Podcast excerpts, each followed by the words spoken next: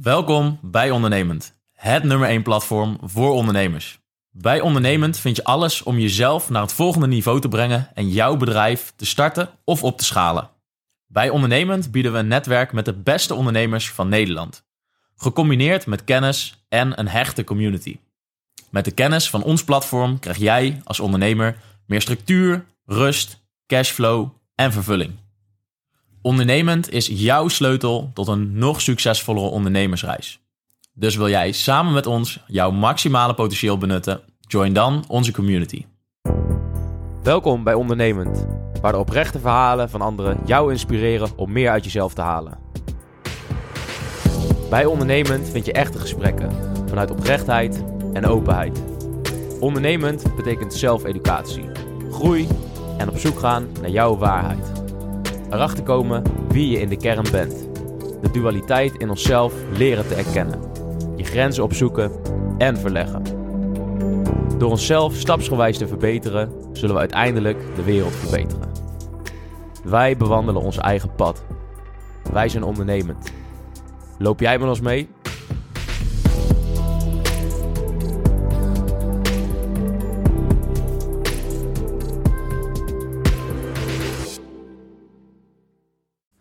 Pim, Yes, ben je klaar voor?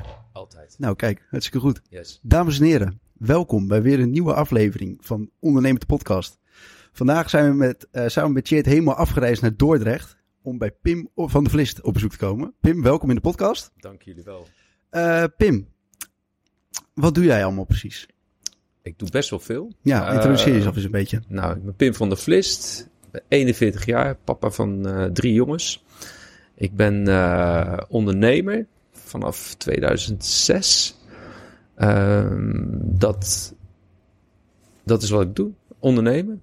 Ja, ondernemen. In wat? Vertel er eens wat meer over. Ondernemen is heel breed. Ondernemen in het vastgoed. Dus dat houdt in het aankopen, opknappen en verkopen. Het handelen in uh, onroerend goed. Het, uh, een stuk dienstverlening. Dus dan hebben we het over het uh, incasseren van huren.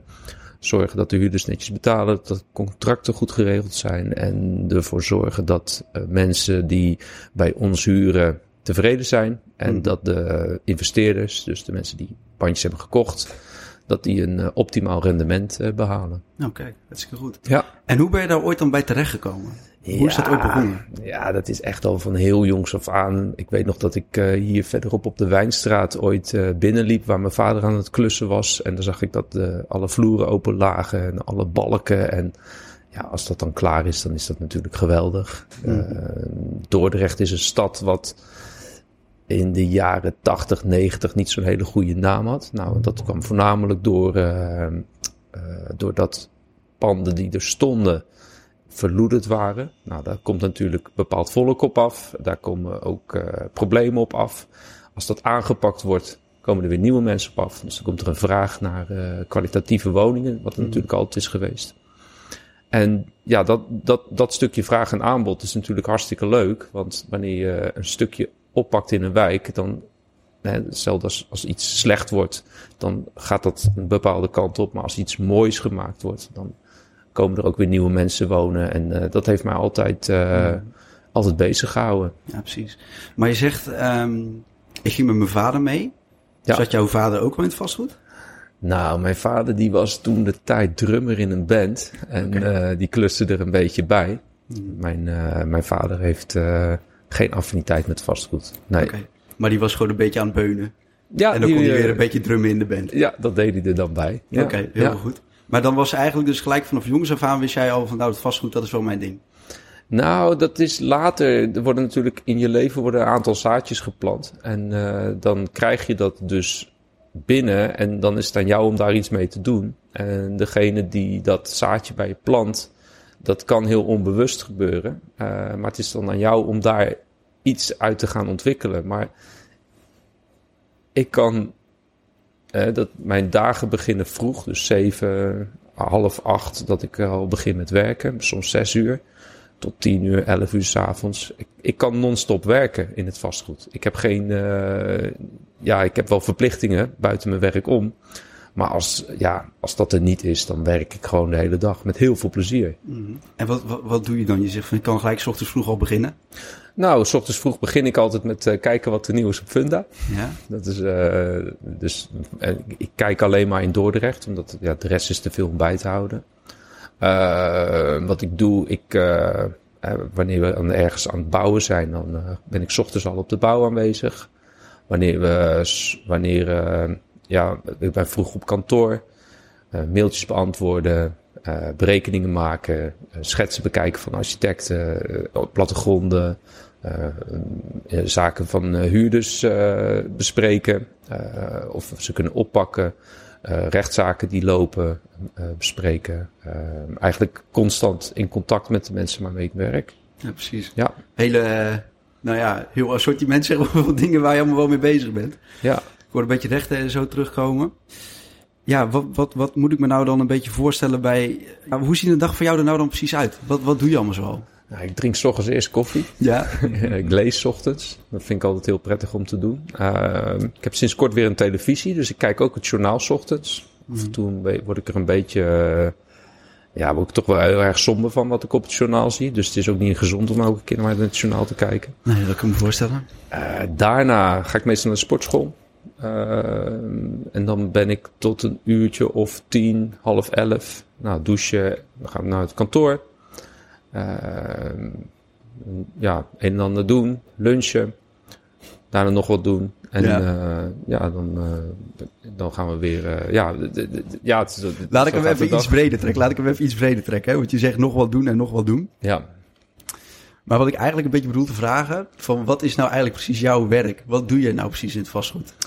Ja, ik zorg ervoor dat uh, de centjes die geïnvesteerd worden, dat die goed gaan renderen. Mhm. Mm -hmm. Dat is eigenlijk het, het, belangrijkste. Dat is heel kort gezegd, maar dat kan bijvoorbeeld zijn doordat je een, uh, een project aankoopt. Uh, en daarin zorgt dat een bepaald project getransformeerd wordt in appartementen. Of je zorgt ervoor dat er een, een andere bestemming op, op bestemming komt, waardoor dat er een waardevermeerdering is. En dan verkoop je het project weer. Of uh, ja, je zorgt, er, je zorgt er in ieder geval voor dat, uh, dat de stenen gaan renderen. Dat er een beetje waarde gecreëerd wordt vooral. Ja, ja precies. Het is eigenlijk nog wel even interessant, want uh, jouw interesse is dan gekomen doordat je dan vanaf jongs af al aan een beetje die kluspandjes zag en hoe dat dan ja, van, van iets wat heel, ja, heel één grote chaos was, dat je dat helemaal mooi kan maken en dat je er weer echt wat aan hebt. Ja. En hoe, ja, wat zijn jouw eerste stappen geweest om dan ook die interesse om te zetten in, ja, tot, tot het werk wat je nu doet? Want uh, ja, dat is ook nogal een, uh, ja, hoe begin je daarin? Ja, ik heb, mijn 22e ging bij Makelaar werken. Mm -hmm. Die uh, was gespecialiseerd in het verhuren en het beheren van vastgoed. dus daar kwamen constant beleggers binnen met hun panden. Die moesten dan verhuurd worden, dus eigenlijk de eindfase. Ja. Ehm, maar goed, je ziet op een gegeven moment de trucjes die ze doen. Goedkoop kopen, goedkoop verbouwen en mm. dan uh, goed verhuren. Ja, dat, dat, is, dat, dat, dat waren de trucken natuurlijk. En dat ja. is het natuurlijk nog steeds. Het is Zeker. nog steeds de truc om iets goedkoop te kunnen kopen. Ja. Daar moet je gewoon een neusje voor hebben. Mm. Dus voor mij, en dat is ook de reden dat ik me heel erg beperk tot dit gebied. Is, ja, ik weet gewoon van elke straat wat het moet op kan leveren ja. en wat iets kost. Dus ja, heel veel tijd besteed ik niet aan uh, panden die, uh, ja, die, die geen waarde kunnen, waar ik geen waarde aan kan toe kan voegen. Nee. Dus, dus dat, dat is wel wat ik merk aan heel veel mensen die nieuw zijn. Ja, die rijden het hele land door. Mm. Maar ja, puntje bij paaltje, dan ga je echt zitten rekenen. Dan kom je er al heel snel achter, of niet, dat het zinloos is om daar uh, nog ja. verder tijd in te steken. Dus eigenlijk vanaf je 22e ben je steeds meer een beetje in contact gekomen met die beleggers en ben Ja. je steeds meer gaan verdiepen in echt de markt in Dordrecht. Ja. Waardoor je ja, misschien ook wel gewoon echt een specialisme hebt ontwikkeld waar ook investeerders op afkomen van die weten bij jou, als ze bij jou terechtkomen van, nou, die, die heeft kennis over de markt hier en zo ben je dan langzaam doorgegroeid of hoe, hoe is dat tot stand gekomen? Ja, het is. Kijk, we hebben toen in 2006 ben ik voor mezelf begonnen. In 2010 ben ik samengegaan met mijn uh, compagnon. Mhm. Uh, dat, die was toen de tijd al uh, best een grote jongen. Uh, maar voor mij was het heel interessant, omdat hij is voornamelijk echt een kantoormens. Hè? Ja. Dus doet juridisch veel, is veel bezig met, uh, uh, met ontwikkelen, Mm. met, met aanvragen van vergunningen. Allemaal papierwerk waar ik Ja. echt helemaal geen... Ik, ja, daar- vul ik mijn dag niet mee. Dat, Nee. dat kan ik echt niet. Eh, ik ben meer de commerciële man. Dus Ja. die eh, zorgt dat, eh, dat het eerste gesprek er is. Dat eh, een bepaalde indruk wordt gegeven over eh, wat we doen. Ja. En van daaruit kan je dus eh, deals maken met mensen. Mhm. Nou, alleen heb ik wel altijd iemand achter mij nodig die ervoor zorgt dat het ook goed op papier komt te Ja. staan. Ehm, om terug te komen op je vraag. Kijk, wij waren begonnen met z'n tweeën in 2010. Eh, toen kwamen de eerste klanten al bij ons, voornamelijk door zijn expertise. Ja. Die, eh, die hadden hulp nodig bij het ontwikkelen van grond. Mhm. Uh, en zo, ja, door dat soort projecten te doen, krijg je gewoon steeds meer vet op de botten. En dan, Ja. ja. dan eh, bijvoorbeeld nu in 2021 zitten we nu. Ja, dan zie je in één keer dat wat je in 2010 hebt opgebouwd, dat Mhm. gaat in 2021 echt uitbetalen. Dus het Ja. heeft gewoon echt wel tien jaar geduurd voordat je, Zeker. voordat je er echt kan zeggen van nou oké, nu zijn we op een punt waar we graag willen zijn. Ja. Maar tot die tijd was het gewoon bikkelen, bikkelen, bikkelen. Ja. Ja. Ja, want die start, heb je, daar, heb je daar misschien nog een bepaalde mooie voorbeelden van? Want ja, de start, daar gebeuren toch meestal vaak de, de hectische dingen, omdat je, omdat je, ja, het is allemaal nieuw, het, Ja. is, eh, het, is, het, het kan chaos zijn. Heb je, heb je nog bepaalde dingen die, ja, waar je echt bent tegen aangelopen toen je bent begonnen? Ja, beginnersfouten zijn toch wel heel erg mensen vertrouwen zonder dat je, dat je enige referenties van ze hebt. Ja. Dat is wel een ding. Kijk, je, je, op een gegeven moment, vooral met aannemers, ja, dan moet je wel eerst even vragen van, joh, wat heb je hiervoor gedaan? Ja, ja, ja. Heb je, heb je iets wat je kan laten zien? Kijk, je kan niet in één keer een, eh, een hele verbouwing geven aan een jongen die, die, die, die- waarvan het zijn eerste klus is. Ja, is niet te overzien. En, Nee. en, maar je kan wel iemand die net begint introduceren. En je hebt vertrouwen in zo iemand dat je zegt van joh, ik heb een goede aannemer. Ga Ja. daar nou eens eventjes eh, een paar maanden in meelopen. Dan kan je daarna, kan je, kan je misschien wel zo'n klus aannemen van me. Ja. En eh, ja, zo, zo, zo, zo heb ik het zelf natuurlijk ook gedaan. Mhm. Dus eigenlijk een van de eerste lessen is eigenlijk die, die je echt hebt geleerd van bouw echt een netwerk om je heen van mensen die, die, die weet, ja, daar heb ik wat aan en die je kan vertrouwen. Ja. En op die manier kan je dan ook langzaam steeds beter doorbouwen doordat je ook steeds meer gebruik kan maken van dat netwerk. En dan krijg je misschien ook alweer eh, ja, juist nieuwe dingen door dat netwerk binnen, of niet? Door, door het netwerk en eh, hoe je voornamelijk dingen binnenkrijgt is, is, eh, is je afspraken nakomen. Ja, En Dan krijg je dus ook een bepaalde naam. En heel duidelijk Mhm. zijn naar mensen. Dat, Ja. je, dat ze ook weten wat ze aan je hebben. Mhm. En dan, dan gaat het gewoon stu- stukken sneller. Als dat je eh, ja, allemaal maar een beetje met losse eindjes aan het eh, Ja. werken bent. Dat, dat, dat werkt niet. nee, Nee. nee. Dus soms moet je gewoon heel bot zijn. En dan eh, nee, doe het niet. Of Ja. of ja, doe het wel onder deze voorwaarden. ja. En hoe kom je dan aan die mensen? Is dat gewoon, voel je dat aan? Ga je met die mensen toch in zee, kom je daar toch achter van ja, dat is toch allemaal niet zo gegaan als ik het van tevoren gedacht had? Eh, ja, kijk, het zit nu natuurlijk wel op een, zeg maar, op een ander niveau. Dat je, eh, dat, dat hè, als we nu bijvoorbeeld met een aannemer praten, als we bijvoorbeeld eh, woningen gaan ontwikkelen, ja, dan gaan we wel met aannemers praten die dat aankunnen. Dus dan is het voornamelijk ook een bepaald gevoel wat je bij mensen hebt. Ehm, en ja, je bent op een gegeven moment ben je ook wel wat, wat wijzer geworden over hoe je met aannemers moet omgaan. Hè. Meerwerk is bijvoorbeeld een verdienmodel voor veel aannemers. Hoe zei je, meer werk? Meerwerk, dus bijvoorbeeld je neemt een, eh, ze nemen aan dat ze, dat ze een appartement eh, erin gaan zetten. Mhm. Maar dan wil je nog wat stopcontactjes hier, stopcontactjes Oh, daar. En, en daar zit gewoon heel veel, eh, ja, ik noem het altijd gezeik, weet je wel. Dan denk ik van, joh, je kan, dat, dat kan toch gewoon. En dus daar moet je altijd wel heel duidelijk in zijn. Van tevoren afspraken maken. Wanneer leef je op? En tijdens, tijdens de rit, ja, het zijn geen vrienden van je. Weet je, het is niet zo dat je, dat je, eh, dat, dat er afspraken zijn die maar een beetje in het luchtledige zijn. Het moet echt heel duidelijk zijn wie wat doet, wanneer doet, wanneer moet opgeleverd zijn. En veel dingen, ja, eh, mensen zeggen wel eens van, ja, ik heb een aannemer, het is niet mijn probleem. Ja, het is wel jouw probleem. Ja. Want als die aannemer iets niet goed doet, of hij kapt ermee, of, eh, dan, dan heb jij een probleem. Mhm. Zijn er in het, begin, in het begin dan ook dingen echt wel geweest, bijvoorbeeld bepaalde voorbeelden waar je toen echt wel tegenaan gelopen bent? Ja, eh, dat je een aanbetaling doet en dat ze daarna niet meer, eh, niet meer komen. Ja, precies.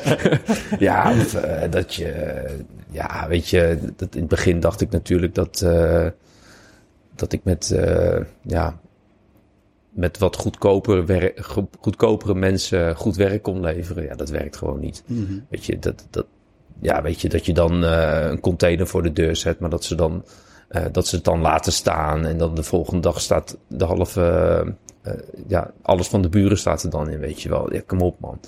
Ja, het is, het is natuurlijk heel makkelijk handelen met iemand anders zijn geld. Hè? Daar kom je wel heel snel achter als je zelf gaat betalen. Ja, precies. Dus je moet er bovenop zitten. Dat is ook de reden dat ik wekelijks eh, vergaderingen heb met de bouwers. Van joh, wat, eh, wat is deze week gedaan? De afspraken voor volgende week. eh, zetten we op papier. En dan gaan we weer verder. Wat zijn de problemen waar je tegenaan gelopen bent?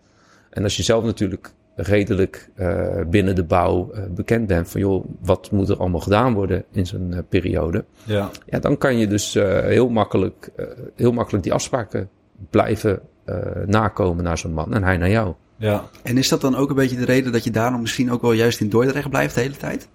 Dat je de mensen op een gegeven moment kent, dat je een beetje feeling hebt bij wat er moet gebeuren?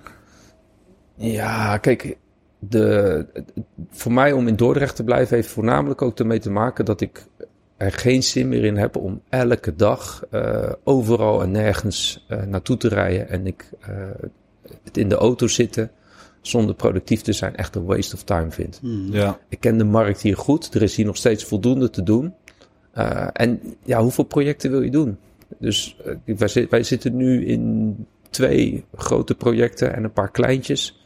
Mijn agenda zit vol. Ja. Dan moet je op een gegeven moment ook gewoon niet meer willen. Dan ga je voor de kwaliteit plaats van de kwantiteit. Ja, ik denk dat je. eh, Ik, ik denk ook dat je het naar je klanten niet kan maken. Dat je op een gegeven moment eh, zegt van ja, oké, eh, je- je hebt hier eh, 3,5, 4 ton in zitten, maar ik doe het maar voor de helft. Ja. Het is wel serieus geld dat overal eh, ingaat. Mm. En daarbij wij investeren vaak ook mee met onze klanten. Dus voor ons zijn de belangen ook enorm. Mm. Dus als het misgaat, dan, eh, ja, dan, dan ben jij degene die, die het moet regelen. Dat is ook wel een mooi commitment trouwens naar je klant toe. Dat je zegt van ik investeer zelf ook mee. Ja, maar anders doen wij, doen wij het ook niet. Nee, precies. Eh, anders wij geloven erin of we geloven er niet in. En Mhm. vaak, de meeste van de investeerders waarmee we werken, hebben eigenlijk, we hebben wel affiniteit met vastgoed, maar ze zeggen dan vaak van joh, eh, ik heb liever dat jij het regelt.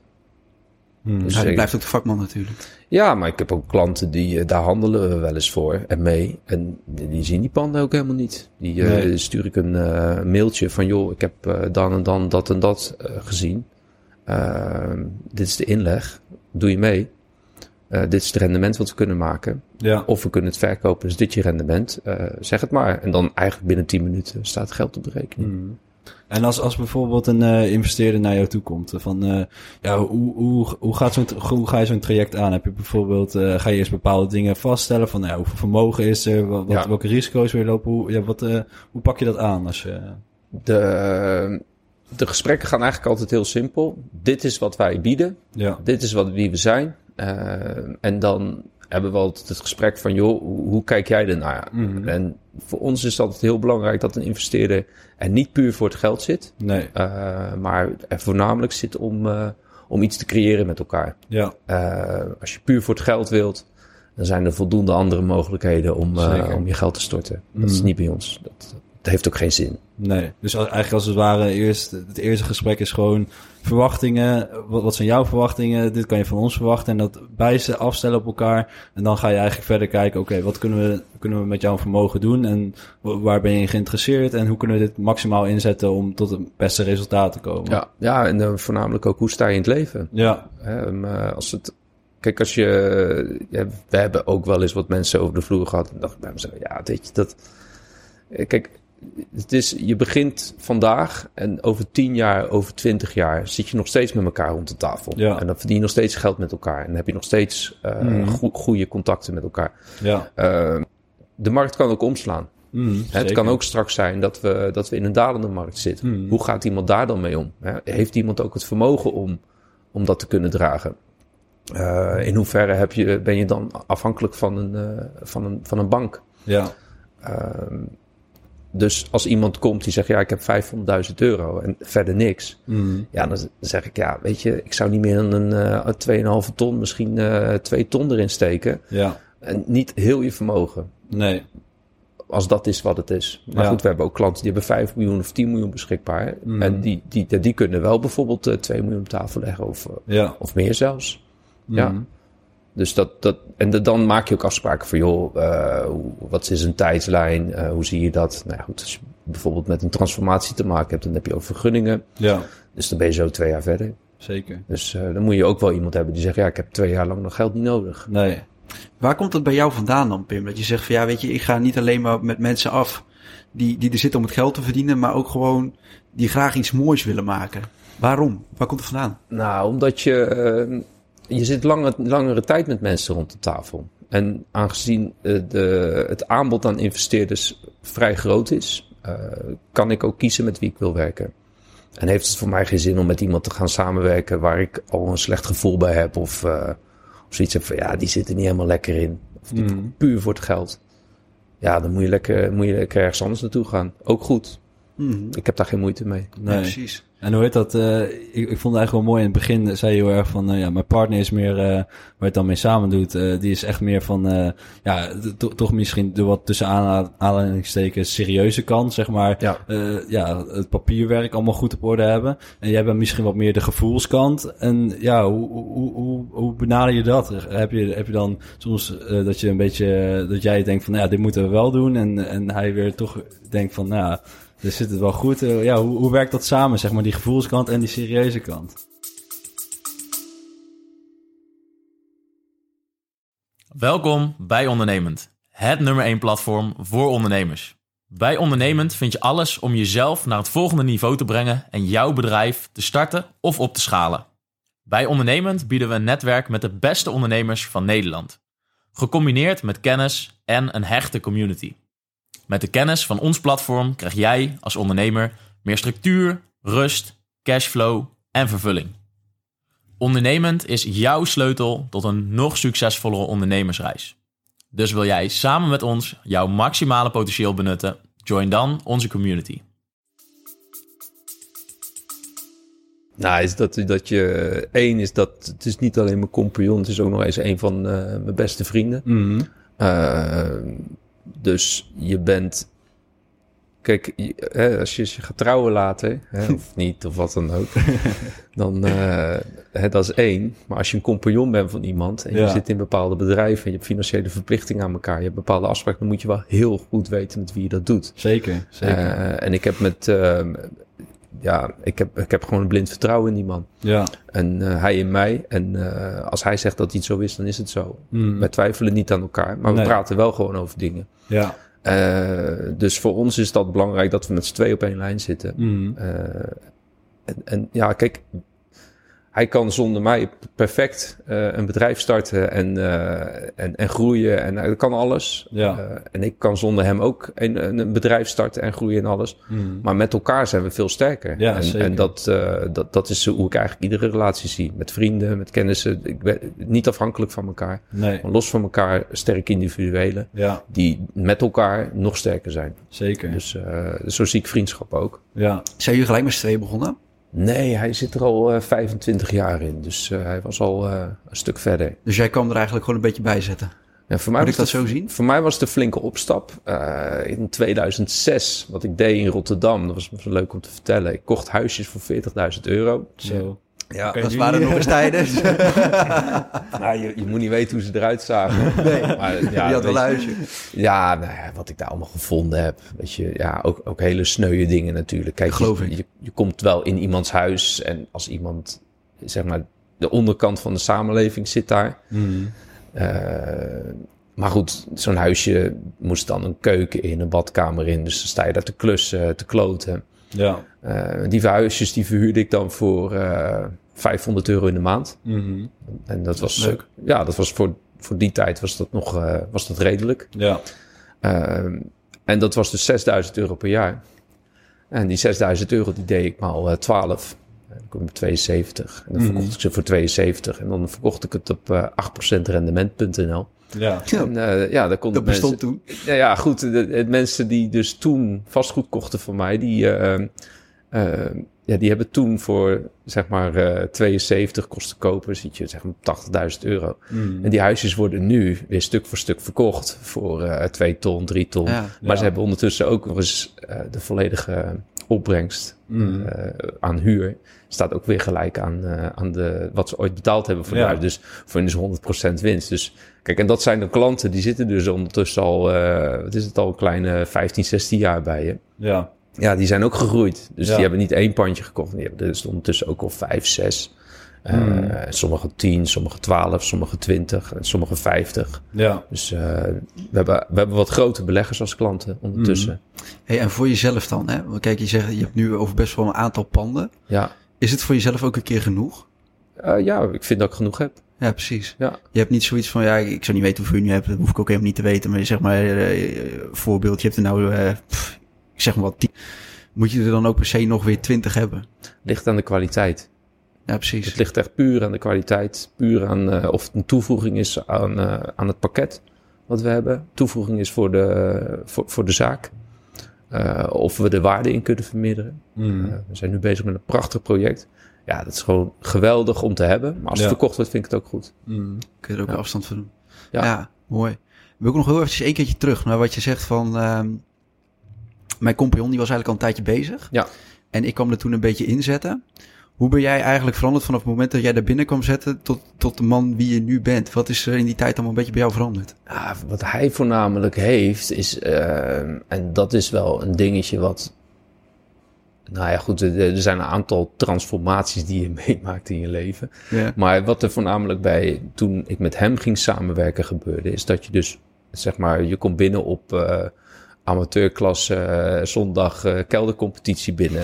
ja, en dan ga je in één keer met iemand werken die, eh, die in de Champions League Ja. speelt. Dat is wel een verschil. Ja. Iemand die echt miljoenen beheerde en klanten had die, die echt wel bij de bel kunnen. Mm. En dan in één keer kom je er wel achter van, joh, ik loop wel achter. Dus, en dan moet, je, dan moet je echt flink aan de bak. In welk opzicht?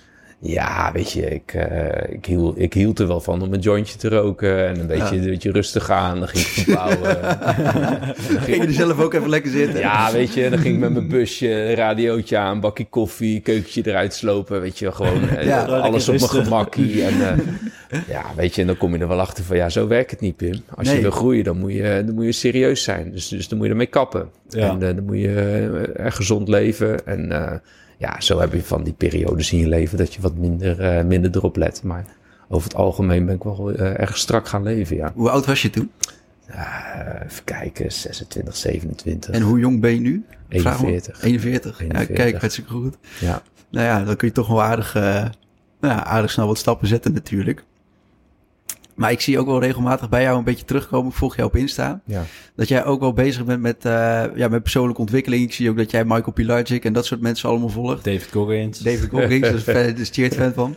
ja. Is dat toen ook vanuit die periode gekomen dat je denkt van... Oh, ik moet me iets meer in dit soort onderwerpen gaan verdiepen? Nou, dat is eigenlijk... Dat, je komt daar terecht als je dus totaal nergens anders mee... Dat, als, als heel veel andere dingen niet meer werken. Ja, Ik in 2015 ging ik scheiden van mijn eh, eerste vrouw, vriendin. Eh, na een relatie van 11 jaar eh, en twee kinderen kwam er toch een heel andere periode. Echt een hele donkere periode. dat is waar. Dus in, ja, ik koos er toen eigenlijk voor bewust, onbewust, om het, om het in de kroeg en in de gezelligheid te zoeken. Dus constante verdoving om me heen. Eh, en ja, op een of andere manier kwam eh, Michael Pilarczyk toen eh, in mijn leven terecht. Eerst via een boek en ik las helemaal niet. Ik had ook helemaal niks met lezen. Eh, nog steeds niet, maar ik lees veel. Maar ja, dat kwam toen. En, en toen ben ik me daarin gaan verdiepen. En toen kom je dus ook bij de kracht van je gedachten uit. Van ja, waarom denk ik zo? Waarom doe ik dit? Waarom doe ik dat? En nou, goed, dan maak ik natuurlijk wel een flinke sprong. Mm. Maar je- bent op een gegeven moment wel bewuster ervan dat de enige die iets aan jou kan veranderen, ben jezelf. Ja. Ga maar eens na hoe moeilijk het is om een ander te veranderen. Mm. Gaat je niet lukken. Onmogelijke taak. Hè, hoeveel relaties. eh, Ja, je al niet geprobeerd hebt. nou ja, weet je, het is natuurlijk zo dat je dat je dat dat dat dat, dat als je erachter komt dat je gewoon iemand niet kan veranderen, dat je dan ook wel heel snel conclusies trekt van, joh, wil ik dit wel? Ja. Dat is wel een dingetje. En wat heeft jou dat verder allemaal nog meer gebracht dan? Ja, dat persoonlijke, eh, ja, hoe moet ik het formuleren? Die persoonlijke ontwikkeling of zo, zoiets. Wat heeft Nou ja, goed, gebracht? kijk, ik denk dat je gewoon als persoon onverslaanbaar bent totdat je verslaat. Mhm. Totdat je je erbij neerlegt. Ja. En dat je dus niet, eh, dat je dus de enige beperking die je hebt, is de beperking die je zelf oplegt. Mm. Ja, je bent zo groot als je, als je grootste droom. Ja. En als zodra je dat je daar bewuster van gaat worden, zie je ook gewoon van ja, waarom doe ik bepaalde dingen wel en waarom doe ik bepaalde dingen niet? Sommige Mhm. mensen zijn gewoon, ja, het zijn gewoon hopeloze losers. Ja. Omdat ze dus constant die keuze maken om, ja, om het niet te doen. ja, te verdoven in plaats van het op te zoeken. Precies. En eh, ja, iedereen moet, moet zijn shit oplossen. Iedereen moet ervoor zorgen dat hij dat die sterk in het leven staat. Ja, Eh, je gaat niet sterk worden als je nooit naar de sportschool gaat. nee. Weet je, je gaat niet fit zijn als je, als je er nooit wat aan doet. Je gaat niet gezond zijn als je, als je, als je alleen maar te- teringzooi aan het eten bent. Mhm. Ik denk dat daar, eh, ja, weet je, kijk, heel veel mensen zijn natuurlijk met een aai over een bol eh, het leven ingekomen. En Ja, dat is allemaal goed en je hebt ook liefde nodig, maar je hebt af en toe ook gewoon echt een schop onder je reet nodig. zeker. En ja, daarin missen, missen we toch wel in de generatie boven ons eh, dat die trap onder onze hol, die Mhm. zij wel gehad hebben, die hadden ze ons ook harder moeten geven. Ja, Ja, en misschien ook wel wat jij nu net zegt. Van ja, weet je, ik had een donkere periode in mijn leven. Ik ging naar de kroeg en ik ging het allemaal een beetje verdoven met, ja, met van alles. Mensen in deze, in deze tijd hebben natuurlijk ook wel een hele hoop van dat soort opties. Ja, maar en terecht. Weet Ja. je, wat je, want je zegt net van, joh, weet je, als je niet gaat sporten ben je niet gezond. Als je niet gezond gaat eten ben je ook niet, ja, ik weet nou even niet meer hoe je het nou net formuleerde. Maar als je, als je je eigen gevoelens ook maar, maar gewoon constant ontloopt en heet het alleen maar verdooft.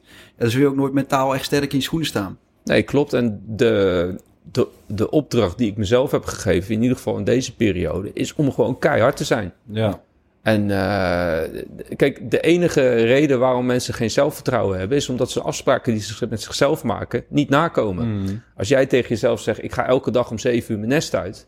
En om, eh, om 9 uur draai je nog een keer om. Ja, dan vind ik het niet raar dat je op een gegeven moment niet zo'n heel goed zelfbeeld hebt. Nee, je vertrouwt jezelf niet Nee, meer. Want je- precies. Je, je, kan niet op jezelf bouwen. Precies. En, en ja, nou, als je het dan hebt over zo'n David Goggins. Ja, weet je, ehm, ik denk dat het goed is dat dat soort mensen je, je, je nest uitschreeuwen. Ja. Ik denk dat het goed is dat je, dat, dat, dat je dus iemand om je heen gaat krijgen... Mhm. die gewoon zegt van ja, die bullshit van jou, die pik ik niet. Ja, En eh, je hoeft niet met iedereen vrienden te zijn. Nee. Dat, dat, dat, het is ook goed om gewoon een verschrikkelijke hekel te hebben aan, aan iemand. Niet als persoon, maar gewoon Ja, echt kut dingen doen. ja. Echt kut dingen doen, maar daar ga je sterker van worden. Mhm.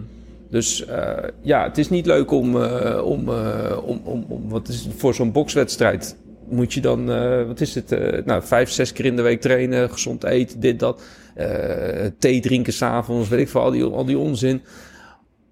Maar om één reden is om gewoon super fit te zijn. Ja. Nou, dat heb je dan. En dan denk je van, nou oké, nu ga ik even gas terugnemen. Dan neem je dat voor een bepaalde periode. Maar om iets te bereiken, moet je gewoon shit doorstaan. Zeker. En als je dat niet doet, ook goed. Maar dan moet je niet zeiken dat er nooit wat gebeurd is in je Zeker. leven. Hé, hey, wacht even, even teruggaan, want je hebt het nu net over boksen. Yes. Ja, dan weet natuurlijk niemand die, die nu naar die podcast luistert dat jij aan boksen doet. Nou ja. Vertel dan- er eens even wat over. Nou, kijk, ik ben op mijn vijftiende begonnen met, eh, met vechtsport. Heb ik altijd gedaan.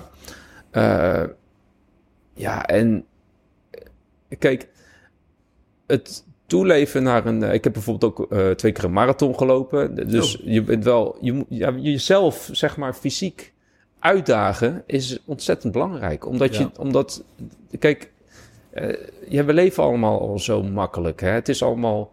En met alle respect voor iedereen, maar laten we wel heel reëel wezen. Obesitas is gewoon in mijn ogen volksziekte nummer één. Ja, En hoe krijg je dat? Gewoon te veel vreten en te weinig bewegen. Ja. En ook slecht vreten, want er is echt veel slecht eten allemaal. Het is ongelooflijk Het is slecht echt allemaal. erg hoor, dat vind ik echt hoor. Als Ja. ik ook een beetje kijk, als je gewoon in de supermarkt loopt of iets, hou maar gewoon eens wat gezonds. Ja. Het is echt moeilijk hoor. ja, ik denk wel dat mensen dan een mondkapje op moeten doen. Als er dus Ja. van, die, van die zooi op tafel ligt. Ja. Doe dan een mondkapje Ja. op, weet je wel. Dan gaan we het lekker op dat ding lopen kauwen. Ja, en weet je wat ik me ook over verbaas? Zoals nou is het dan kerst. Ik krijg nou allemaal kerstpakketten van leveranciers bij ons. Ik krijg wijn, ik krijg bier. Ik heb gisteren drie repen chocola gekregen. Ik krijg allemaal van die troep. Ja. Weet je wat denk ik? Ja, we vinden het ook gewoon best allemaal normaal, hè? Eh, ja, maar eten is natuurlijk ook een... eh, ja, het is een soort verleiding. Ja, is het ook. Dus, ook weer eh, eigenlijk gewoon een beetje een soort van verdoving, hè? Ja, dat klopt. En dat lo- ontloop jij nou een beetje met die vechtsport dan misschien? Dat je dat toch een beetje ja, opzoekt? nee, ja, ik ben, de, Af en toe. 13, nou, 13 november was de wedstrijd. En eh, daarna heb ik hem wel even flink... eh, even flink Ah, maar dat, dat is dan ook wel weer even mooi, weet je. Ja. Dat, Ja. Dan mag het ook wel weer even gewoon, want je moet soms ook even de, de teugels laten vieren en Ja. gewoon eh, weer ook ervaren van, oké, dit is de ene kant, maar dat is de andere kant. Dat je Ja. ook weer een beetje... Je moet balans hebben. Ja, Ja, nou ja, goed. Hè, we gaan nu wel. Ik, ik heb nu alweer wat contacten om in eh, maart ongeveer. En dan eh, starten we januari starten we weer aan de voorbereiding. Maar vind ik eigenlijk wel heel mooi. Van, jij gebruikt dus eigenlijk dat fysieke echt heel erg om je mentale te trainen. Ja. Niet alleen je lichamelijke, maar echt dat mentale ook gewoon...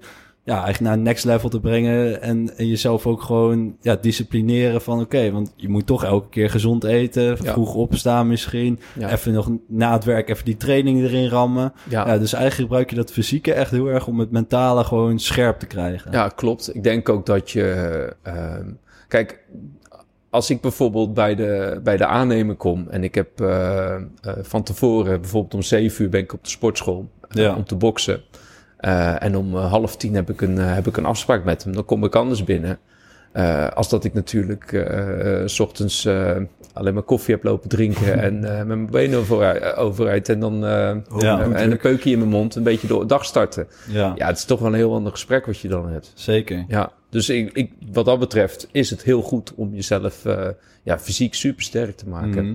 En hoe vertaalt dat dan echt naar het werk? Want inderdaad, wat je zegt, je komt dan heel anders op zo'n afspraak. Ja. En kan je dan ook echt een verschil merken van, nou ja, in 2015 kom je een beetje uit die zware periode, ben je meer met persoonlijke ontwikkeling bezig gaan. Kan je ook echt een verschil merken van, ja, dat, dat je er misschien heel anders in staat op het werk, meer rust hebt gekregen, misschien meer dingen vanuit, eh, van- ja, vanuit het zijn kunnen handelen? Of... Ja, waar ik me eerst niet van bewust was, maar dat kreeg ik dus wel, is dat je bijvoorbeeld echt doelen moet gaan stellen. Ja. En van joh, waar sta ik nu? Mhm. Eh, en wees daar gewoon heel reëel in. Financieel, waar sta je Ja. financieel? Waar sta je fysiek? Waar sta je mentaal? Mhm. Hoe, zit je, hoe, hoe sta je erin? En wat zou je nou willen? Ja. Niet wat je niet wil, wat wil je wel? Mhm. En als je daar dus je focus op gaat leggen, ehm, dan is tijd, hè, ondanks dat je bepaald, bepaalde tijd ervoor neemt, maar is Ja. tijd een heel ander begrip. Ja. Omdat je dus, het maakt niet uit hoe laat het is, je kan altijd in je mindset werken. Mm. Het maakt niet uit hoe, eh, hoe vroeg of hoe laat, je kan altijd gezond eten. Ja. En dan ga je toch in mijn ogen naar een hele andere level met jezelf, omdat Mhm. je dus constant bezig bent met een bepaald doel. Mhm. En dat kan voor mensen om je heen frustrerend zijn, omdat ze geen contact met je kunnen krijgen op bepaalde momenten. Maar voor mij is het vooral rustgevend, omdat ik weet waar ik mee bezig ben. Ja. Dus eigenlijk gewoon, de eerste stap is echt heel eerlijk naar jezelf zijn. Ja. Van waar sta ik op dit moment? Ja, En dan echt gaan bepalen, oké, waar, waar wil ik heen? En hoe kan ik daar komen? En dan op die manier kan je ook elke dag kan je, kan je die stapjes steeds verder gaan uitwerken, als Ja. ik het goed begrijp. ja en, en, en, en wees er gewoon heel bewust van dat, dat een kleine stap ook een stap is. Ja. En dan zeggen wel eens mensen van ja, en ik wil, eh, ik wil dit, ik wil dat, en ik wil zus, ik wil zo. Maar na, hè, dan ben je vooral bezig met plannen. Plannen, Ja. plannen, plannen. Ja, dat is hartstikke leuk, maar dat is helemaal niks. Nee, Stel als een boek lezen en zeg je, ja, ik doe aan persoonlijke ontwikkeling. Je hebt, nee, je hebt geen reet gedaan. Je nee. hebt niks veranderd. Het enige wat je hebt gedaan is een boek gelezen. Dus het stukje, het stukje aanpakken, dat vergeten mensen nog wel eens. Mhm. En daarin denk ik dat je, dat je het verschil gaat maken voor jezelf. Ja, dus jij maakt echt, je maakt gewoon van tevoren een plan. Je weet wat je gaat doen en dan ga je het gewoon doen in plaats van de hele tijd weer een plan maken. Zeg maar, Nee, dat, dat, plan, dat, dat plan dat staat er Ja, en dat daarna gaan we er. werken. Daarna gaan we werken. Dan gaan we heel hard eraan werken. Hoe doe Ja. je dat? Eén, je maakt het eh, visueel voor jezelf. Dus eh, hoe moet het eruit komen te zien? Mhm. Nou, wij kunnen dan, eh, wij werken dan met architecten hoe, eh, hoe gebouwen eruit moeten komen te zien. Dat is wel heel mooi dan. Dus- dus dat- zien. Ja, dus dat stukje, dat, eh, dat kan je dus ook echt zien. Dan maak je dus een planning, hè, als we het dan hebben over een project. Ja, Ehm, maar dat kan je dus ook in kleinere stappen doen. Hè? Dus bijvoorbeeld zo'n bokswedstrijd. Ja, dan Mm. ga je dus ook echt trainen nadat je gaat ja, eh, naar zo'n gevecht trainen. Dus je zorgt er ook voor dat je fit bent. Dus elke dag als je naar de sportschool gaat, zit dat in je hoofd. Dus als Ja. jij 's ochtends in je bed ligt en je denkt bij jezelf, ik draai me nog een keer om. Dan denk ik, nee, dat kan niet. nee. Is je doel misschien ook niet concreet genoeg? Ja, ja, en de motivatie, denk ik. Ik denk dat je dan, eh, ja, als, je dat, als je dat niet hebt, dan moet je iets anders gaan zoeken. Maar ook nog even weer terug naar die doelen, hè? Ja, Formuleer je dat alleen voor jezelf? Of hoe, jij, jij zet een doel voor jezelf en dan, nou, dan gaan we het uitvoeren. dan ga je het uitvoeren. Maar heb je het dan ook al gewoon gelijk concreet voor jezelf? Eh, het doel wel, St- de, de, de, de weg ernaartoe is niet concreet. Oké. Want wat ik wel bij mezelf heel vaak merk. eh, ik kan bij mezelf nog wel eens regelmatig iets bedenken. En denk, oh, dat vind ik mooi, dat vind ik mooi, dat vind ik mooi. Alleen dan vervolgens, zoals nou laatst hebben Chit en ik en eh, een andere vriend van ons, David, gingen met z'n drieën zitten. Gingen we eens met z'n drieën doornemen van, joh, weet je, wat wil je nou eigenlijk? En dan kom je er eigenlijk achter van, ja, ik heb wel van alles nog wat opgeschreven. Maar als je het dan in één keer aan een ander uit moet leggen, dan is het heel anders. Je denkt voor jezelf dat je het soms heel concreet hebt. Alleen dan is dat eigenlijk helemaal niet zo. Merk je dat bij jezelf ook? Of zeggen we nou nee, mij... eh, Nou, ik, ik hoef niets aan iemand anders- anders uit te leggen. Oké, Omdat dat, ik snap wat ik, waar ik naartoe wil. Eh, en degene met wie ik dat doe, die snapt dat ook. Hmm. Als wij een gezamenlijk doel hebben, dan hebben we dat gezamenlijk doel met z'n twee of met z'n drie of met z'n vieren. Ja. Die snappen dat doel. Maar als ik aan iemand buiten, buiten zo'n cirkeltje moet uitleggen hoe dat precies is. Ja, weet je, het is zonde van mijn tijd. Meestal zeggen gewoon van, joh, dit gaan we maken. En eh, we- wij denken er zo over. ja. Vaak 9 van de 10 interesseert het ook echt niet. nee, precies. Dus precies. dat, eh, dit small talk willen Ja. ze dan. Ja. En wil ik nu eigenlijk wel eventjes naar iets, eh, het gesprek naar iets concreters trekken. Hè? Want wat je nu eigenlijk heel erg veel hoort, ook in het vastgoed heel erg. Van ja, weet je, er zijn geen goede deals meer. Alles is Ja. veel te duur. ja. Zul je zelf ook vast wel heel erg veel gehoord hebben. Maar als ik Ja. nou jou zo een beetje wil praten. Ja, ik heb deals zat, ik wil niet nog meer. Ik blijf alleen maar in Dordrecht. Wa- Wat is dan jouw visie op de markt op het moment? Hoe, ja, hoe vind jij nu nog gewoon fatsoenlijke deals? Ja, kijk, het, het, het belangrijkste is dat je een gesprek hebt met bepaalde mensen. Dat je een bepaalde visie hebt. En dat ze op basis van die visie komen ze bij je. Ze komen niet bij je omdat ze, eh, omdat ze het onderste uit de kan willen. Ja, dat kan wel, maar dan is het gesprek snel Ja, afgelopen. Precies. Moet Dus- allemaal wat verdienen. Dus de meeste mensen die nu ons benaderen, die hebben bijvoorbeeld een, eh, een stukje grond of die hebben vastgoed en die zeggen van joh, ik wil daar een nieuwe bestemming op of ik wil daar iets anders mee gaan doen. Kan je mij daarmee helpen? Want jij hebt eh, dat al gedaan, je hebt dat al gedaan.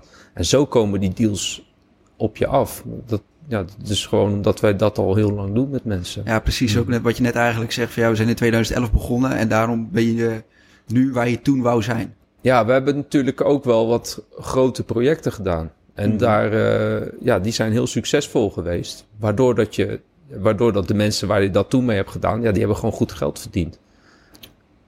Ja, En die komen weer terug. die komen nu weer terug. En ja, hoe, wa- wat zou je nu dan tegen iemand zeggen die bijvoorbeeld nu in het vastgoed wil beginnen? Überhaupt. Ja, het is een lastige markt. Iedereen, eigenlijk heeft iedereen geld op het moment. Ja, de, iedereen heeft geld. Eh, dat is wel zo. Geld wordt ook minder waard. Wil je dat in vastgoed steken? En De eerste vraag die ik zou stellen is: zit je er over twintig jaar nog in? Zie je, hè, als het tegen zit, wil je, dat- ga je dan geld bijstorten? Als het tegen zit, heb je een andere inkomstenbron naast je vastgoed? Mm.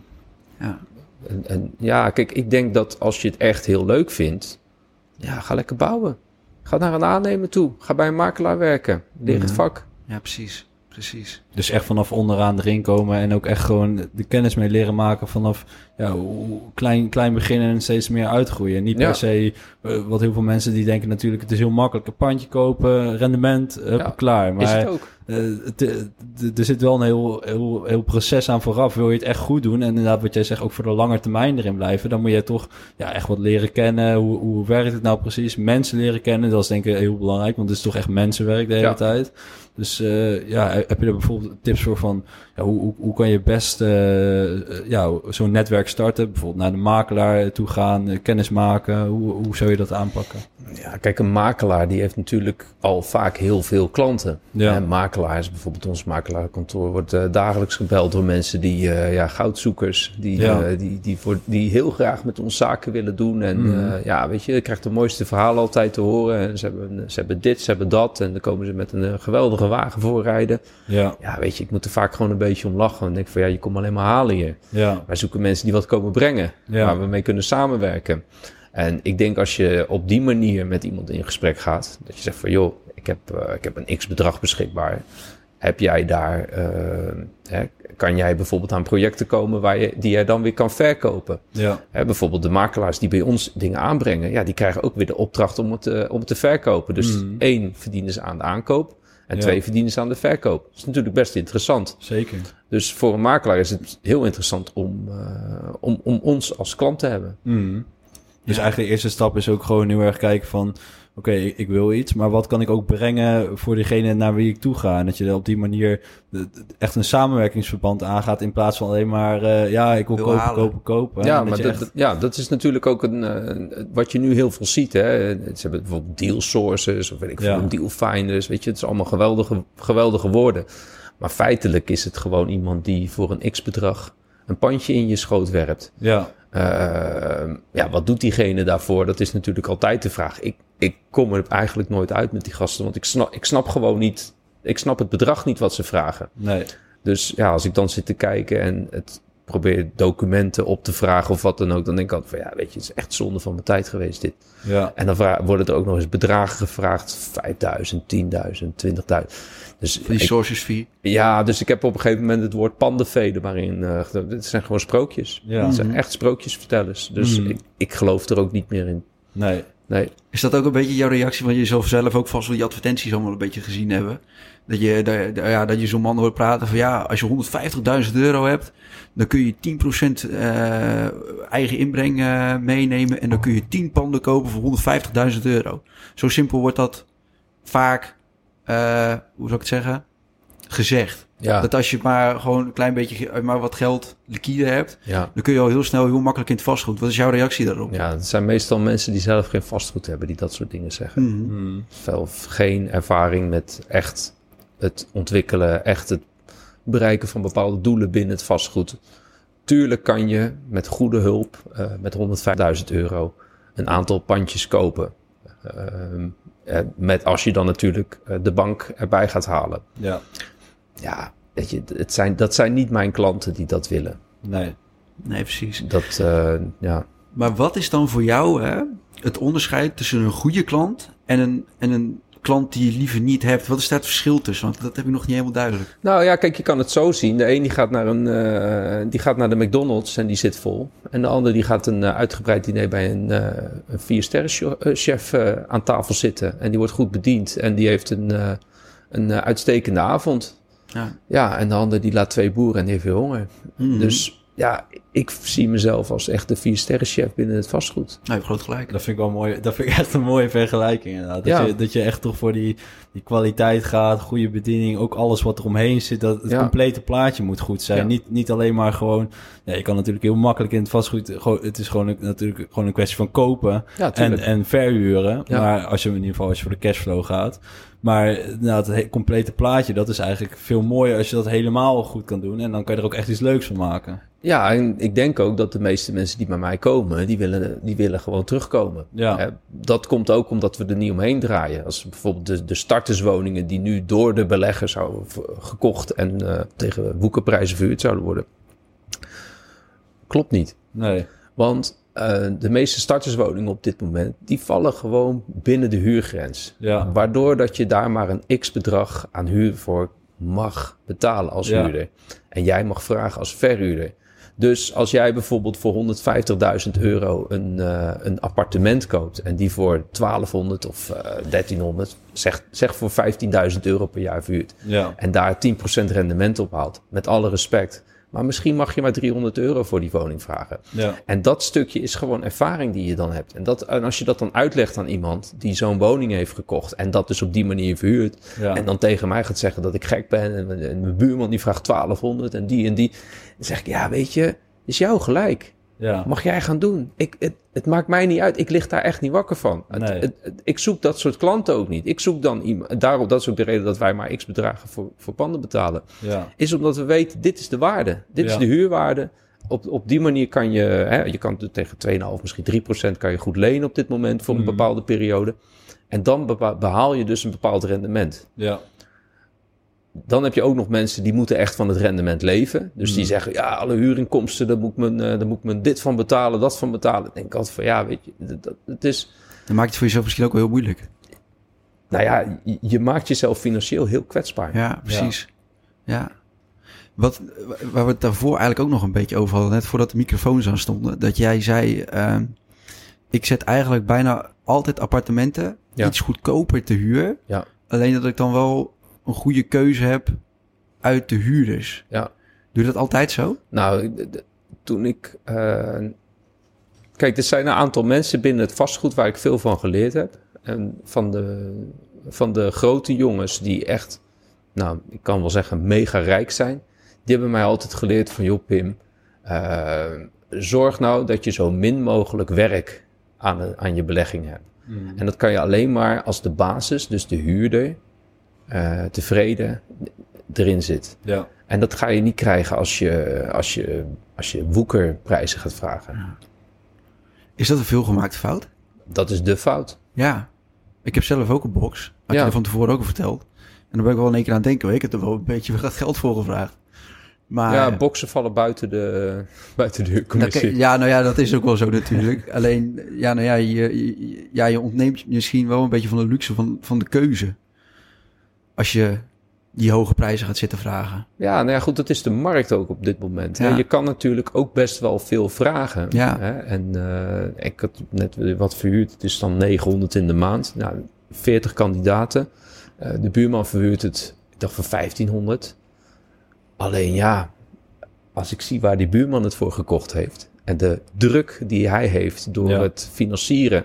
Ja, dan denk ik bij mezelf, ja, moet je dat willen? moet je dat wel? Is dat niet, is dat niet gewoon een probleem? Want kijk, als er, als er een beetje lucht uit de markt gaat, wat er natuurlijk een keer van komen. Mhm. hè, stel dat we een correctie krijgen van eh 10%, 20%. Ja. Hoe sta je er dan voor? Heb je dan nog zo'n eh, lekker passief inkomen? Of eh moet alle mensen weer terug? Ik denk dat het vooral hoofdpijn is voor heel veel mensen. Ja. Maar dat is wel een hele goede. Eigenlijk wat mensen eigenlijk vaak vergeten is dat de winst zit hem altijd bij de aankoop. Ja. En je kan wel, je kan wel iets helemaal willen uitmelken, maar als, je, als die aankoop gewoon verkeerd is, dan zit eigenlijk de basis al verkeerd. En dan, en dan, ja, dan kun je dat niet helemaal gaan corrigeren met de huur. Dan, ja, zo werkt het eigenlijk niet. Dan kan je wel proberen, maar Daar is niet tegen op te verhuren. Nee, dat moet je niet willen. Als je een, eh, eh, je hebt nu dan een prijsstijging van ongeveer 300 euro per dag. Dus dat is 100.000 euro per jaar. ja. Wat de gemiddelde prijsstijging is van het vastgoed. Mm. Ehm, nou ja, ik ken geen, eh, geen woning, in ieder geval niet bij ons in het pakket, die 100.000 euro huur per jaar opbrengt. Nee, Nee, Eén enkele woning. ja. Dus ja, je kan je ook wel eens afvragen, heeft het wel zin om te vuren? Kan je het niet gewoon beter leeg laten staan om straks eh, te verkopen? Dat zie je ook wel binnen de grote, echte grote beleggers, Ja, die gewoon wel panden leeg laten staan. Maar goed, dat is een tweede, daar, zo zit ik er niet in. nee. Maar eh, zo hard het omhoog gaat, zo hard kan het ook naar beneden gaan. Dus ben jij dan ook in staat om die 100.000 euro per jaar, stel dat dat zou gebeuren, Mm. op te vangen? Ja, En dan zijn veel pandjes helemaal geen, eh, dat is helemaal geen must. nee, Je moet goede panden hebben, zeker. goede huurders, goede, Zeker. overzichtelijk, eh, onderhoud goed. Mm. Dan, dan, dan overleef je iedere crisis. Ja, ja, want dat is echt inderdaad gewoon het belang voor die lange termijn. Moet, moet gewoon dat fundament moet echt gewoon goed zijn. Ja. Op de korte termijn kan je misschien even snel geld verdienen met, eh, ja, hoe- sommigen dat doen. Gewoon eh, te veel aankopen en dan eh, even die waardestijging meepakken en weer verkopen. Maar Ja. op de lange termijn zul je toch echt, echt die, die, dat fundament goed moeten hebben. Ja, nou ja, dat is een beetje het, eh, het korte termijn denken waar heel veel mensen straks, eh, denk ik, toch wel mee naar de kloten zullen gaan. Ja, Om, eh, omdat, je dus niet, eh, omdat je dus niet bereid bent om, eh, om, om pijn te nemen. Mhm. Dus ja, is korte termijn fijn, lange termijn pijn. ja. Ja. En wat, wat is er dan volgens jou in de afgelopen paar jaar vooral veranderd in het vastgoed? Want er is nogal wat veranderd. Ja, voor mij persoonlijk niet zo gek veel. Eh, ik heb gewoon een bepaalde visie en die, die blijf ik, eh, daar, daar blijf ik voor gaan. Mhm. Eh, wat je dus. Ja, je, je ziet gewoon heel veel nieuwkomers. En ja, die hebben ook gewoon hun processen die ze door moeten maken. Dus die zullen dan uiteindelijk ook een keertje ergens op hun bek gaan of niet. Ja, ja kijk, ik gun iedereen het beste. Maar ik, gun me mezelf vooral ook Ja, wel het beste. Dus Mhm. dus, en ik heb geen, als iemand iets meer wil, voor wil betalen dan ik, dan is het ook goed. Als ik ergens naast, naast vis, ook goed. Weet je, ik, ik, ik lig daar echt niet wakker van. Mhm. Ik vind het soms wel jammer dat ik denk van, joh, heb ik toch wel wat tijd in zitten. Eh, Ja. Maar ja, het is zoals het is. Mhm. Maar dat zal je straks ook zien. Kijk, als je nu alles voor 100, 110 procent aan het financieren bent, of 90 procent, 80 procent, en er komt straks een probleem aan, hoe sta je er dan voor? Ja. Ja, daar anticipeer ik toch al een beetje op. Mhm. Heb jij in 2018 ook die crisis een beetje, een beetje meegemaakt? Ja, zeker, zeker. Hoe was dat? Ja, kut. Ja, Ja, maar kut. welke opzicht? Want ik, ja, weet je, ik was acht. Dus zo oud was ik niet. maar ik heb er eigenlijk nog nooit met iemand over gepraat die ook echt in het vastgoed zat toen. Nou ja, 2010 begon het in Nederland echt wel hard naar beneden te gaan. In ieder geval te stabiliseren de prijs. Eh, mensen binnen de bouw kwamen toch al heel snel eh, ja, eh, in de problemen, doordat er weinig werk was. Banken, kijk, het is heel simpel. zodra de banken eh, de kraan open doen, Gaat goed. is het feest. Ja. Zodra de banken de kraan dicht doen, hebben we een probleem. Ja. Dat is, dat is het hele eieren eten. En daar moet je op anticiperen. En hoe zie jij dan nu voor je de komende paar jaar? Ja, ik kijk, er zijn een aantal projecten. Daar zullen we pas, denk ik, over twee, tweeënhalf, misschien een jaar. Ja, zeg maar, zeg maar, de komende drie jaar zit ik nog helemaal in het werk.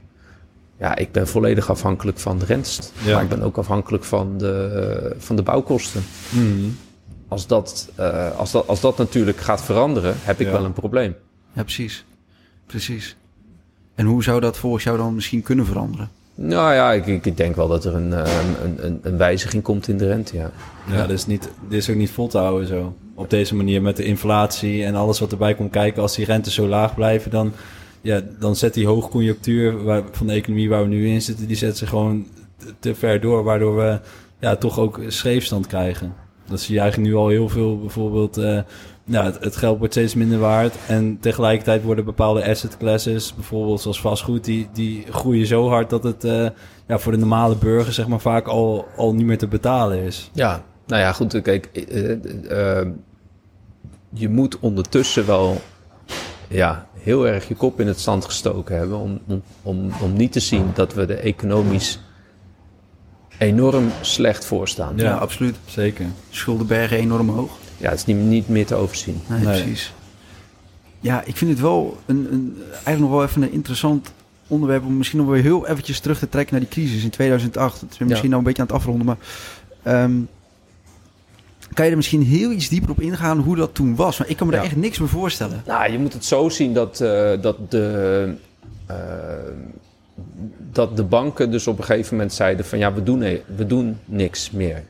Dus eh, je had bijvoorbeeld een pand gekocht en daar had jij eh, een bouwdepot op. Nou, dat bouwdepot dat werd bijvoorbeeld bevroren. Of de bank zei op een gegeven moment van joh, eh, we willen eventjes een, een herwaardering doen. En dan, dan krijg je dus bijvoorbeeld dat de bank zegt tegen je van joh, toen was het 100.000 euro waard. Nu is het 90.000 euro waard.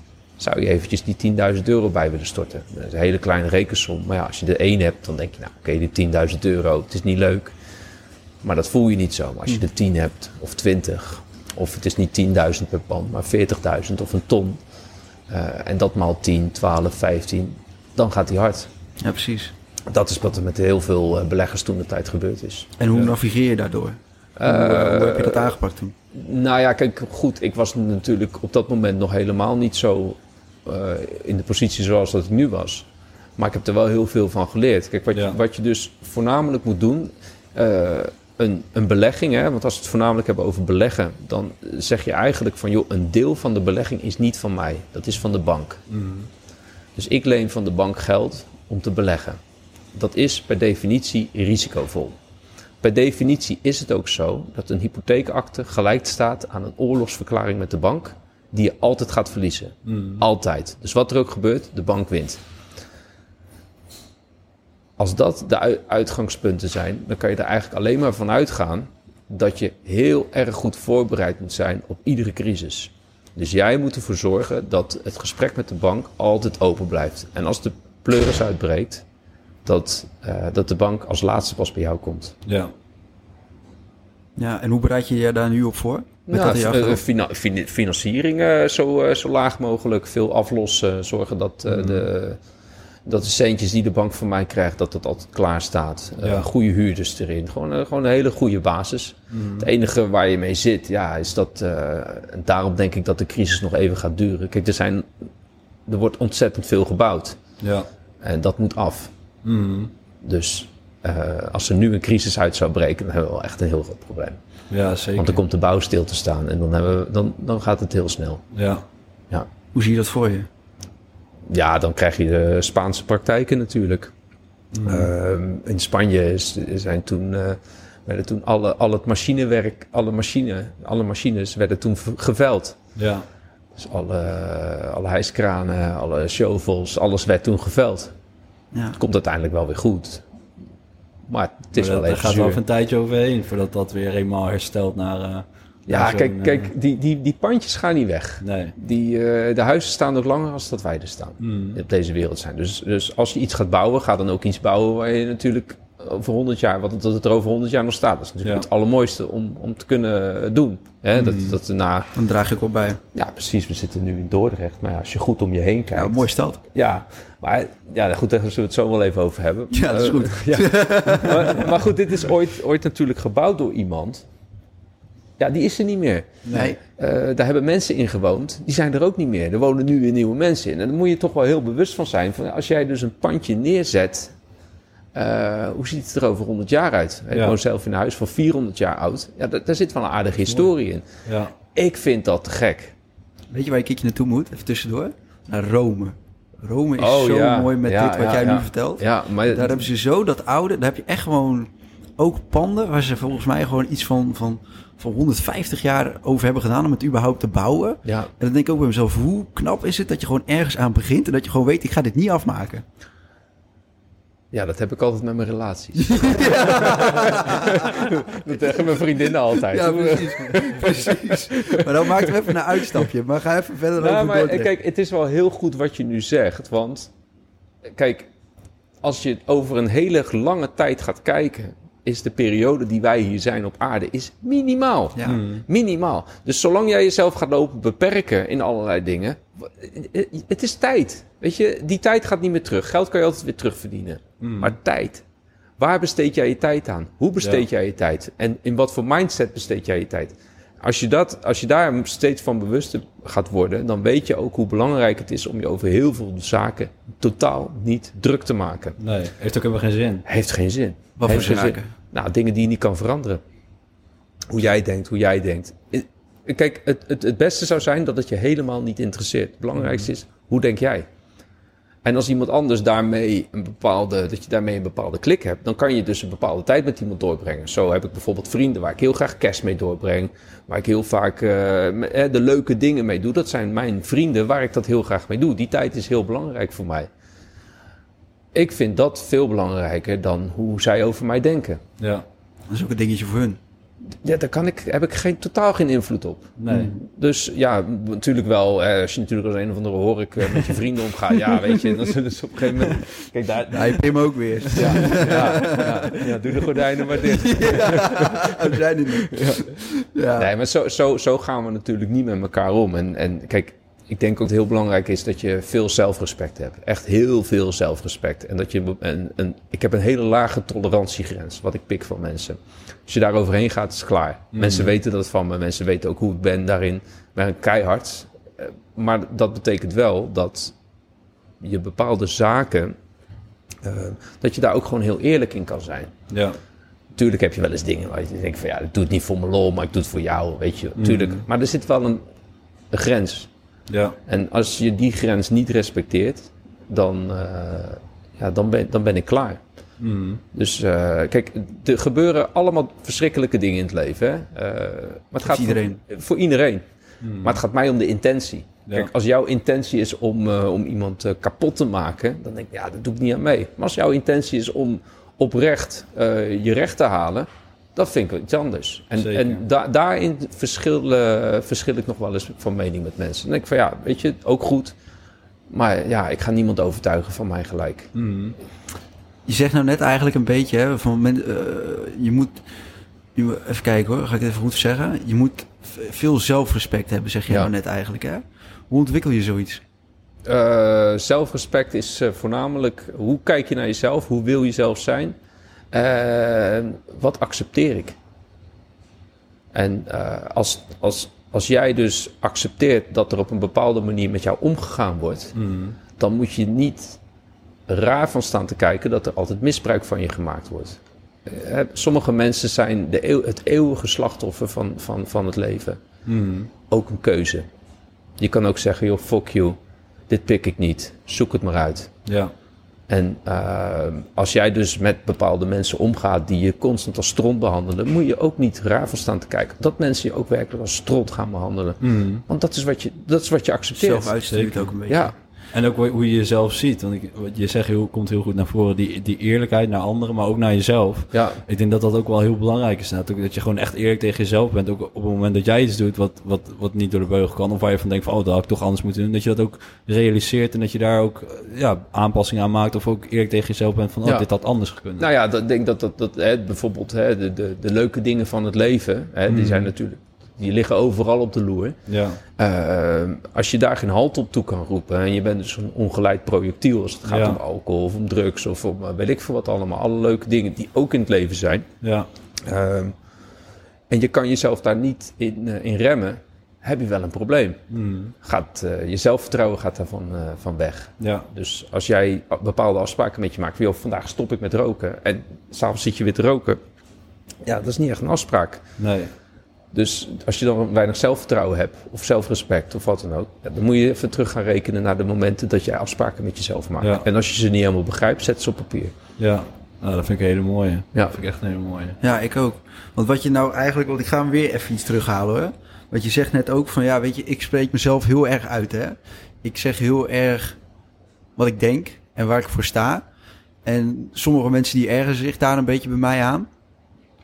Maar ik denk ook wel, trouwens, daar hebben we het al een keertje over gehad. We hebben, ik, eh, vorige keer hebben we hier een gast gehad, eh, Jeroen, Jeroen Hilvers. Die mensen hebben een bakkerszaak. En die mensen die zijn op een gegeven moment ook heel erg gaan uitspreken wat ze met de zaak wouden. En hun zeiden ook van, ja, weet je, sommige mensen die konden zich daar heel erg in vinden, maar sommige ook totaal niet. En dat is wel het voordeel van op het moment dat je jezelf echt heel erg uitspreekt. Kijk, je gaat mensen verliezen, dat is een ding wat zeker is, maar ook juist mensen heel erg winnen. En ik denk dat, dat, dat ook wel een beetje iets is wat jij nou net zegt.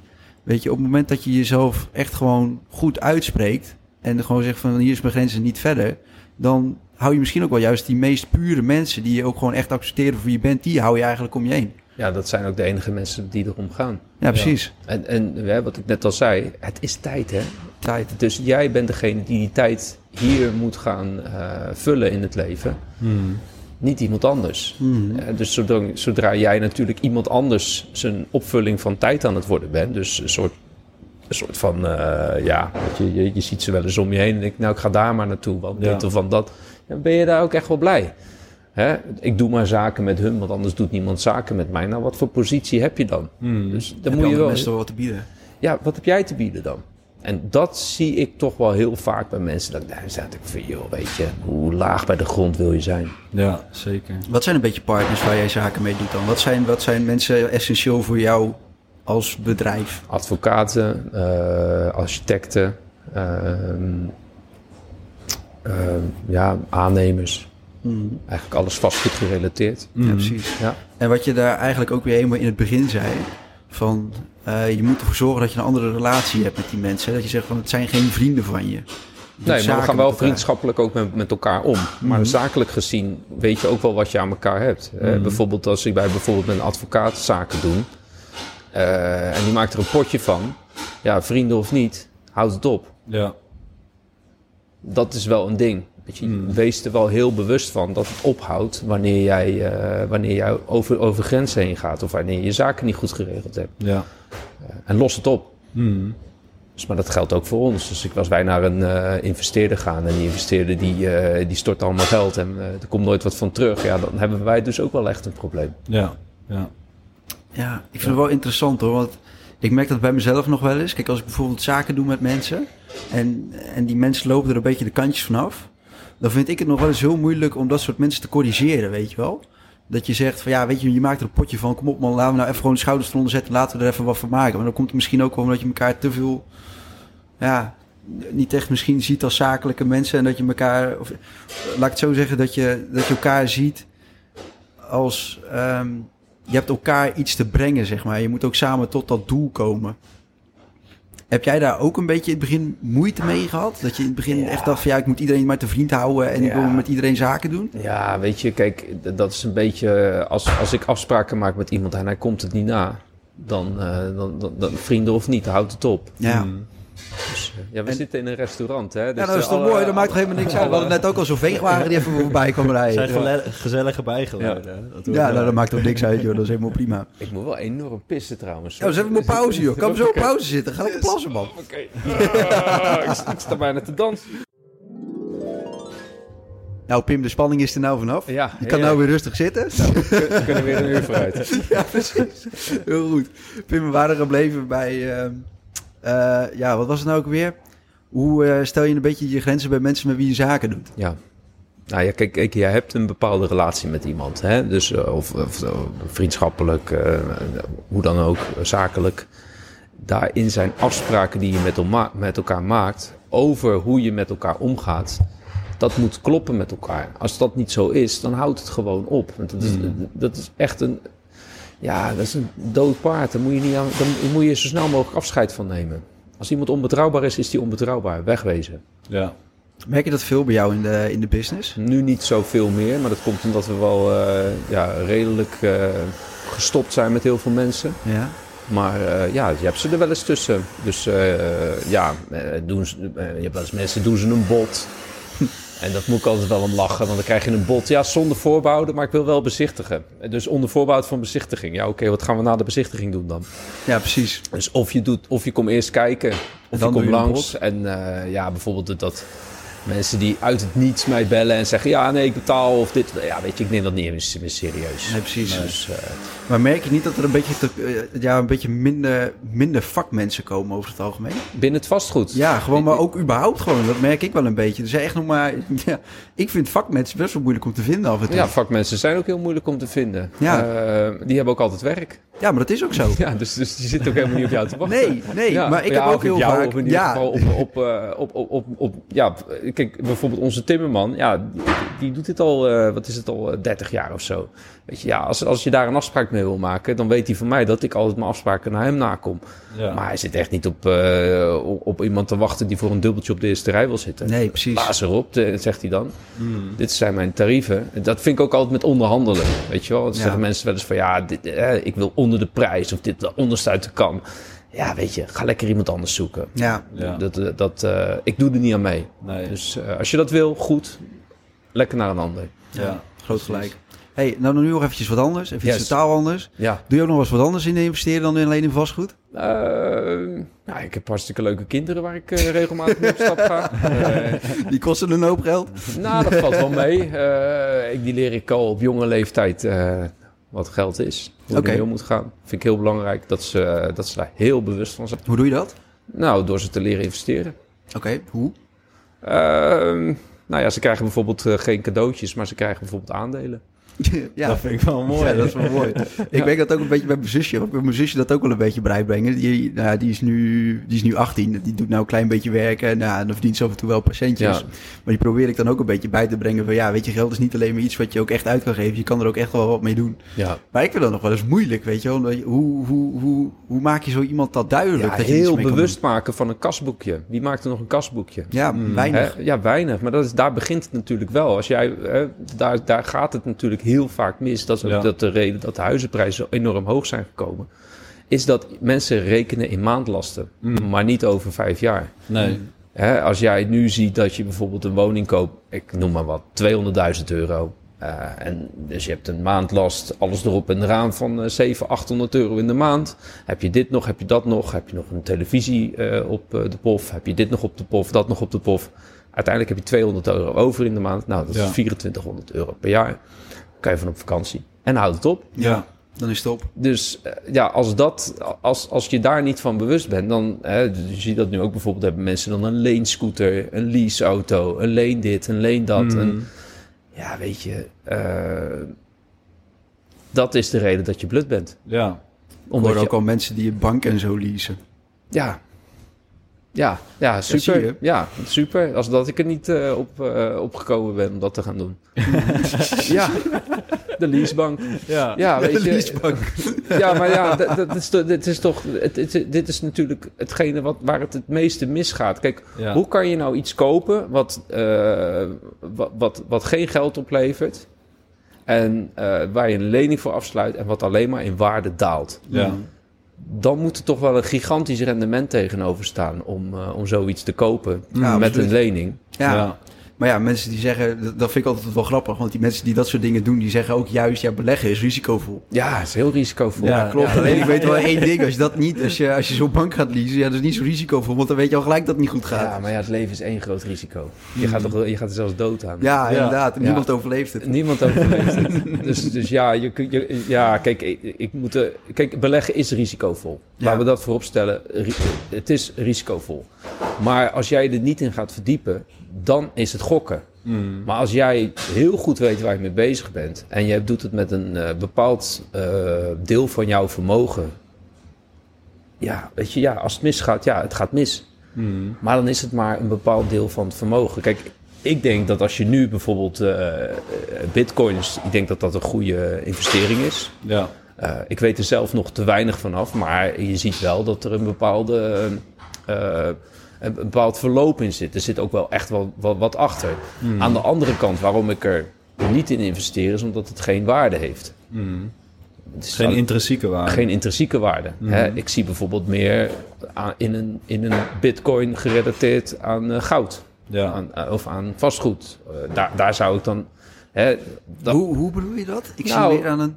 nou, kijk, eh, de, Een de- coin die de, de waarde dekt van een bepaald vastgoed. ja, dus bijvoorbeeld jij investeert via een, een coin in vastgoed.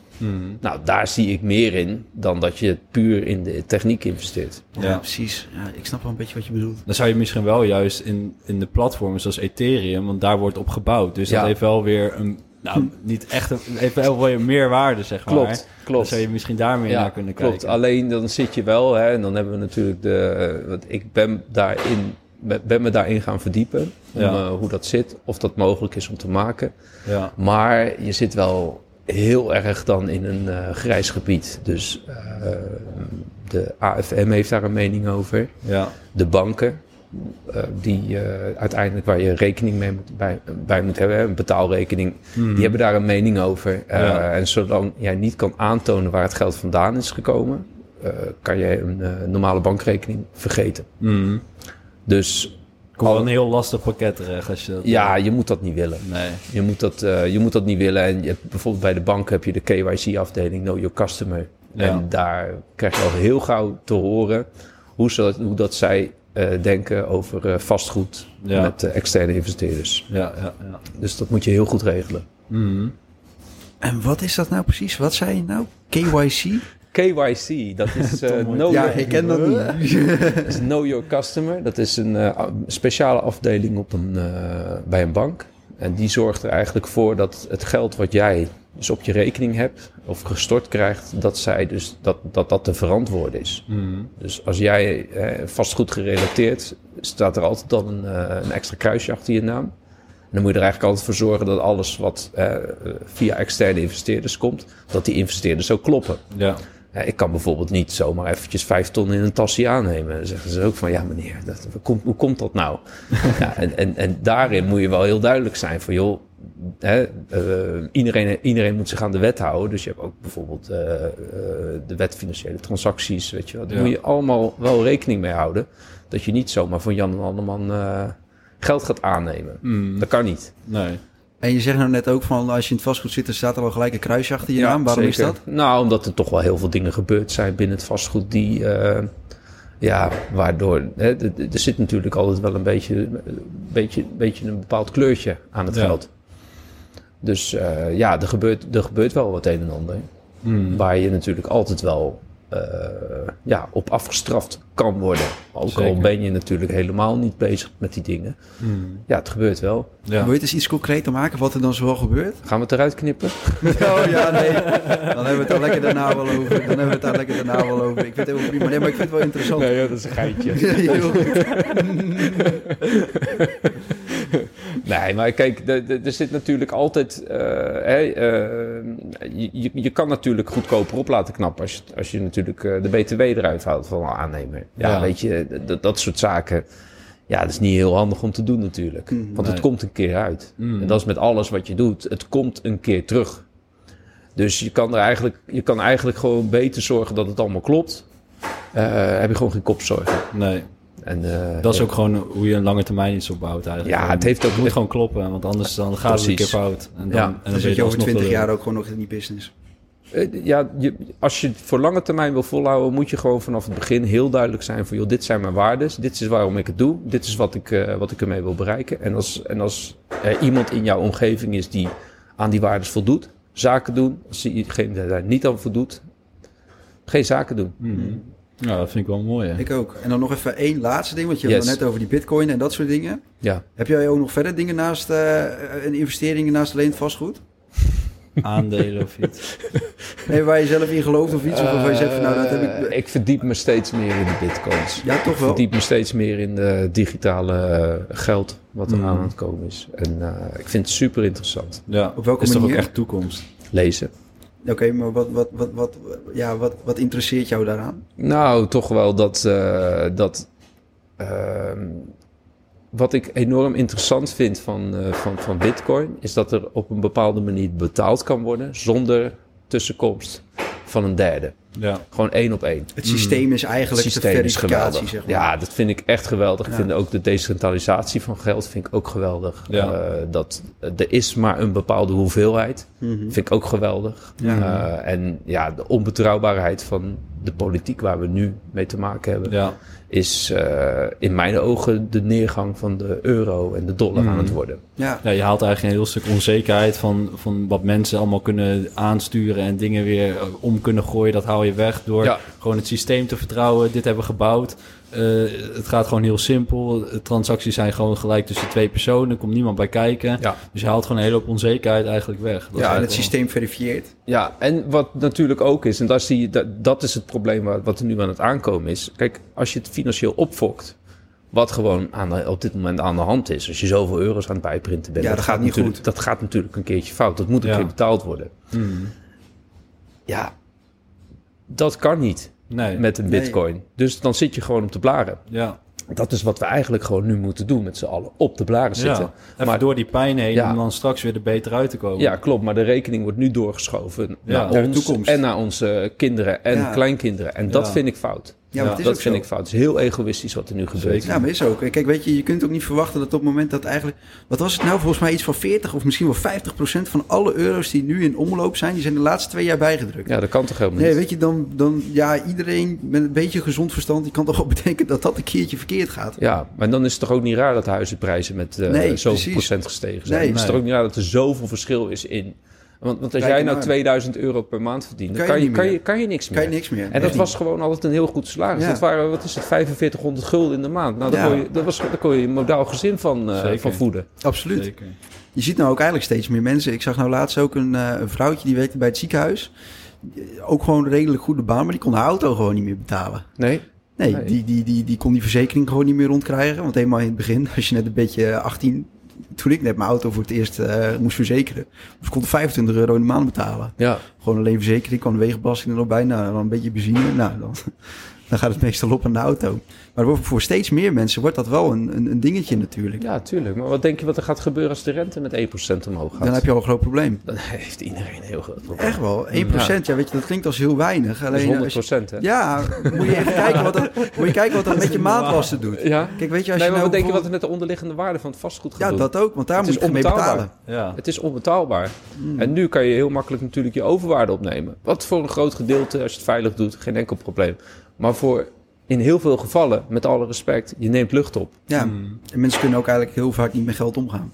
Eh, dat is vaak te grappig voor woorden. Maar Ja, dat is sommige, echt zo hoor. sommige ik, vra- mensen- ik wacht er echt om. per definitie blijven arm.